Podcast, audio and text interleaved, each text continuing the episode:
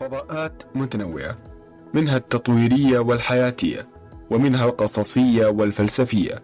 معكم سنرتقي سنتغير سنتحدث في أمور تكاد تكون عادية لأول وهلة لكن الحقيقة أنها تحمل الكثير والكثير.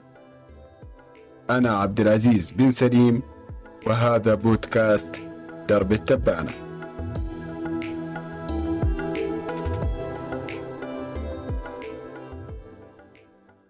السلام عليكم. يا أهلا وسهلا. موضوعنا في هذه الحلقة اعتدنا على سماعه ونحتاج إلى القيام به لكن في أحيان كثيرة بلا جدوى. فما سبب حاجتنا له وما سبب عدم قيامنا به حتى الآن؟ ألا وهو البداية في التحسين. البداية في تحسين نفسك وتنميتها. البداية في تحسين غيرك. البداية في تحسين من حولك ومجتمعك ولأن كل هذا يبدأ بتحسين الفرد وتنميته. سنتحدث لماذا عليك أن تتحسن. قد يتبادر في ذهنك أن ما أنت فيه هو أفضل حال لكن أخالفك الرأي لأنك تقدر تكون أفضل مما أنت عليه الآن. مستحيل أي إنسان يمشي في هذه الحياة على خط مستقيم. أنت لما تقول أنا عاجبني الوضع اللي أنا فيه وراح أمشي على ما أنا عليه أنت لا إراديا جالس تتراجع لأن كان بإمكانك أن تتغير وتتطور. إذا ما سعيت للأفضل في حياتك الغالب إنك راح تندم في المستقبل. إذا ما غيرت من نفسك للأفضل بحجة التعب وغيره ممكن مع الوقت راح تنجبر إنك تتغير بسبب الظروف اللي ممكن راح تواجهك. وترى التعب والألم اللي يواجهك لما تبدأ تتغير للأفضل من التزام من صبر إلى آخره. راح يجيك على شكل مشاكل في الحياة إذا جلست مكانك من غير تطوير وتغيير. ولا تقول الوقت راح لأن بإمكانك في أي وقت وأي عمر أن تتغير.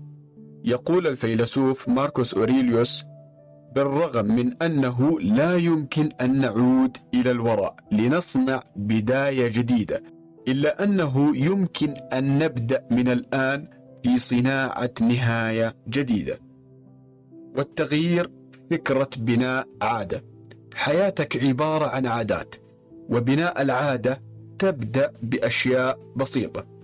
مو شرط يكون التغيير من البداية بشيء كبير ولا بد عليك أن تلتزم فيه بشكل مثالي. أعطيك مثال. أنت قررت أنك تبدأ تقرأ. مو شرط من أول يوم تقرأ فيه عشرين صفحة ثلاثين صفحة. ابدأ بصفحة أو نص صفحة ومع الوقت تتدرج. أو مثلا قررت أنك تمشي يوميا. ما يمنع من أول يوم تمشي بس خمس دقائق. صح ما راح يكون في فرق على المستوى الجسدي لكن فكرة إنك حفزت نفسك وألزمتها كل يوم تمشي خمس دقائق أنت كذا يوم بعد يوم تبني هذه العادة وتعززها. ومع الأيام راح تتطور الخمس دقائق راح تصير ساعة وهكذا. المهم إنك بدأت بشيء بسيط يغرس فيك هذه العادة. وفي مقولة ممكن مرت عليك. قليل دائم خير من كثير منقطع. مأخوذة من حديث النبي صلى الله عليه وسلم أحب الأعمال إلى الله أدومها وإن قل. طيب ليش لازم تتغير؟ السبب الأول عشان ما تندم على الوقت اللي راح منك. لأنه باختصار مع مرور الوقت والأيام راح تكتشف وتدرك أن ما أنت عليه الآن حصيد لكل ما مضى من أفعال وأقوال وأفكار وعادات اعتدت عليها في سابق حياتك. لذا التفت لصغائر أمور ما تفعل. لأنك ستصبح عليها كان ذلك بعلمك أم لم يكن. يعني لا تتفاجأ من اللي بيصير لك في المستقبل لأنه واضح من الأشياء اللي تعملها مع مرور الأيام والسنين. وهناك حالة تحدث لكل الناس تسمى التماهي. التماهي هو فقدان هويتك في المتماهي معه. كيف يعني؟ اعتبر إنه عندك كأس من الماء. إذا أضفت عليه سكر وشاي صار شاي. إذا أضفت عليه ليمون وسكر صار عصير. فذاب الماء في المتماهي معه. فأنت ما عليها اليوم هو ما تماهيت معه. وإنت اللي ذاب بداخلك. إذا أنت تماهيت مع المشاكل والصعوبات فأنت متماهي معها. وإذا أنت متماهي مع النجاح والتطلعات فأنت متماهي معها. طيب أنت كيف تعرف ما أنت متماهي معه؟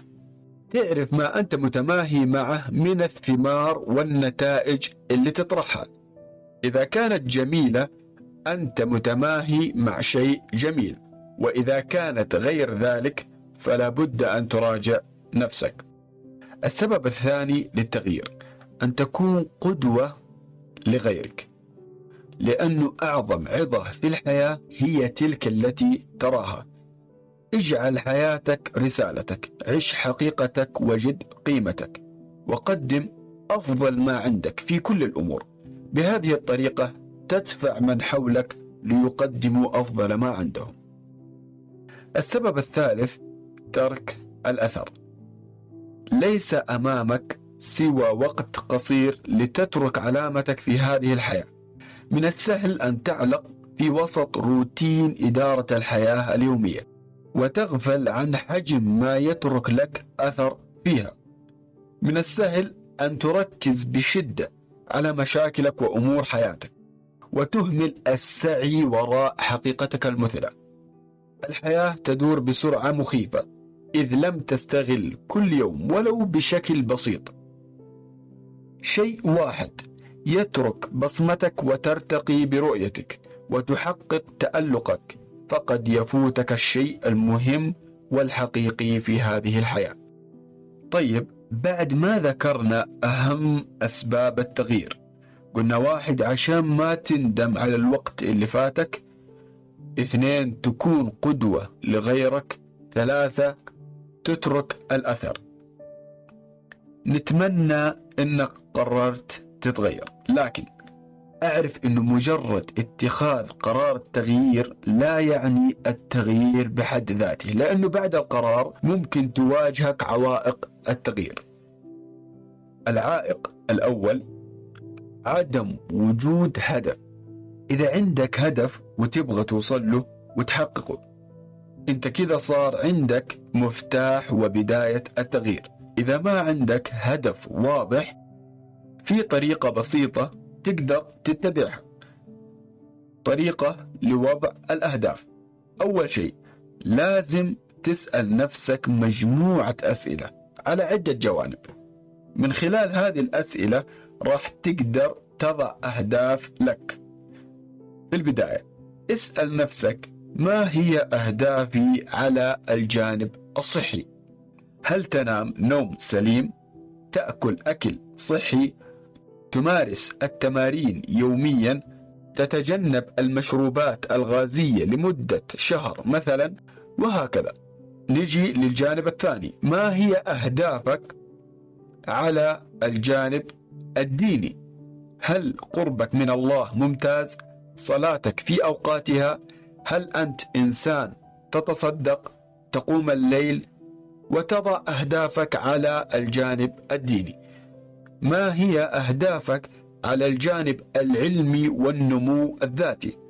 تحتاج شهادة في مجال معين قراءة كتاب إكمال دراسة تعلم مهارات مثل القيادة واتخاذ القرار والإقناع وتضع أهدافك على الجانب العلمي والنمو الذاتي. ما هي أهدافك على الجانب المالي. التخطيط لمشروع تقدم وظيفي العمل في أعمال إضافية عمل إدارة للمال وهكذا. أخيرا الجانب الأسري. نحن نتكلم الآن إذا ما عندك أي هدف كيف يصير عندك أهداف في الحياة؟ وضعت لنفسك أهداف تحت كل جانب من الجوانب السابقة. راح تمسك كل هدف وتضع عليه مقياس اسمه الأهداف الذكية. مقياس الأهداف الذكية يعني كيف تحول الأهداف إلى أهداف ذكية أي قابلة للتطبيق. الأهداف الذكية تحتوي على خمس عناصر رئيسية. واحد أن يكون الهدف محدد. اثنين قابل للقياس. سواء قياس مادي أو زمني أو فكري. ثلاثة يمكن تحقيقه. أربعة يكون مهم بالنسبة لك. الهدف لابد أن يكون مهم بالنسبة لك. خمسة أن يكون الهدف منطقي وواقعي عشان يمكن تحقيقه. راح أعطيك مثال على هدف لكن غير ذكي. وكيف ممكن تحوله إلى هدف ذكي؟ مثلا عندنا شخص يقول هدفي إني أنزل وزني. هذا هدف غير ذكي. كيف ممكن نحوله إلى هدف ذكي؟ نقول أنا هدفي أوصل إلى وزن 70 كيلو خلال الثلاث الأشهر القادمة. لو نرجع للمقياس ونقيس هذا الهدف. أن يكون الهدف محدد. الوصول إلى وزن 70 كيلو. قابل للقياس الزمني. يمكن تحقيقه؟ نعم غير مستحيل. مهم. لأن وده يوصل إلى هذا الوزن. ضمن إطار زمني خلال الثلاث الأشهر القادمة. مثال ثاني شخص يقول هدفي أصير غني. هذا هدف غير ذكي. كيف ممكن نحوله إلى هدف ذكي؟ ممكن نقول أنا هدفي أفتح مشروع قهوة برأس مال مئة ألف في شهر إبريل العام المقبل. هذا هدف ذكي. ليه؟ أول شيء محدد مشروع قهوة يمكن قياسه قسناه ماليا بمئة ألف ريال يمكن تحقيقه غير مستحيل. مهم لأن ودي أمتلك مشروع ضمن إطار زمني في شهر إبريل العام المقبل. موضوع الأهداف كبير لكن هذه نبذة مختصرة. هنا ممكن نقول إننا أخذنا نبذة مختصرة عن كيفية إيجاد الأهداف وتحويلها إلى أهداف قابلة للتحقق. لكن لابد عليك أن تكون على وعي بالأشياء اللي ممكن تحتاجها في مستقبلك. لأنه من هنا تتكون الأهداف لك. العائق الثاني انتظار الوقت المناسب. لابد عليك أن تعرف أنه لن يكون هناك وقت مثالي لتحقق فيه أهدافك وأحلامك. لابد عليك أن تبدأ الآن وتتخلى عن ملاذك الآمن وتتوقف عن افتراض أن الوقت المثالي لم يأتي بعد. وركز معايا الوقت يمضي على أي حال. ضيعت الوقت على جوال أو قضيته في قراءة كتاب. سيمضي الوقت سيمضي. لذلك اترك الوقت يمضي بإنجاز أفضل من أن يمضي بغير ذلك. واقتبس في ذلك قول الشاعر بهاء الدين زهير واعزم متى شئت فالأوقات واحدة. للريث يدفع مقدورا ولا العجل. وإذا كنت تنتظر الوقت المناسب لن يأتيك. الوقت المناسب أنت تصنعه بنفسك. وطالما أنك لم تبدأ لن تنجز شيء. ونعيد ونكرر. الوقت يمضي على أي حال. العائق الثالث. الظروف. خلينا نتكلم على النسور على سبيل التشبيه. أم النسور بعد جلوسها على البيض لتحميه بحياتها حتى يفقس وتخرج وتذهب وتهاجم الفريسة لإحضار الطعام لهم وتحميهم وترعاهم حتى يكبروا. بعد فترة نفس الأم التي كانت تحميهم وتحضر الطعام لهم تأخذهم إلى المنحدرات وترميهم من فوق الحافة. ليس أن الأم انقلبت على أطفالها لا لكنها تعلم أنهم لن يعثروا على قوتهم في المكان الآمن.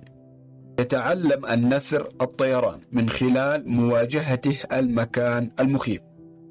واعتبر أن أم النسور هي الحياة والمنحدرات هي الظروف التي تواجهه. ومهما كانت ما ترسله لنا الحياة فنحن مسؤولون عن طريقة استجابتنا له. والحياة مستمرة. إن تقبلت وتأقلمت إن تعلمت وواجهت فاليأس لا يحرك ساكنا والظروف لا تجامل إنسان. لذلك تكيف مع ظروفك واسعى لتحسينها للأفضل. العائق الرابع. الأعذار. أحتاج منك تعرف أنه أغلب الأعذار عبارة عن أوهام تختلقها لنفسك بهدف مساعدتك على تجنب فعل الأمور التي تخشاها. صح وراء كل عذر يكمن خوف. خوف من التغيير خوف من المجهول خوف من الإخفاق لكن اجعل اليوم هو الوقت المناسب لنسف الجسور التي تصلك بأعذارك. ويقول أحدهم عن اختلاق الأعذار اعتدنا في حياتنا أن نبحث عن الفرص ثم نشكو قلتها وصعوبتها. ماذا لو كانت الفرص تبحث عنا كذلك وتشكو قلة عزيمتنا وكثرة يأسنا. قريبة هي منا لا ترى إلا بصيرتنا. تترقب أن ندرك قوتنا وأن نتوقف عن اختلاق الأعذار والتبرير لأنفسنا. عندها كشمس النهار لا تغيب عن أهل العزم والإصرار. ويقول خالد المنيف أسكت صوتك الداخلي المثبط وكف عن الشكوى كون الحياة غير عادلة. فما هو غير عادل هو تفكيرك. فالناجحون نجحوا ليس لأن حظهم أفضل بل لأنهم كافحوا واجتهدوا. وصدقني أنك بمجرد التوقف عن سكب الدموع والتحرك قدما والهروب للأمام سيعلن بعدها نادي الناجحين عن انضمام عضو جديد له. وأبغاك تعرف معي الأعذار كأنها سجن لكن سجن بلا قضبان سجن داخل فكرة داخل لحظة متوقف فيها الشخص منذ زمن بعيد داخل تصور داخل وهم غير موجود في الأصل لكن يختلقه الشخص لنفسه. حرر نفسك من كل سجن خيالي غير واقعي.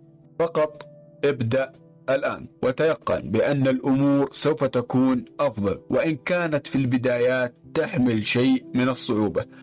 تعليق الأشياء وانتظار ظروف وأماكن غير الحالية.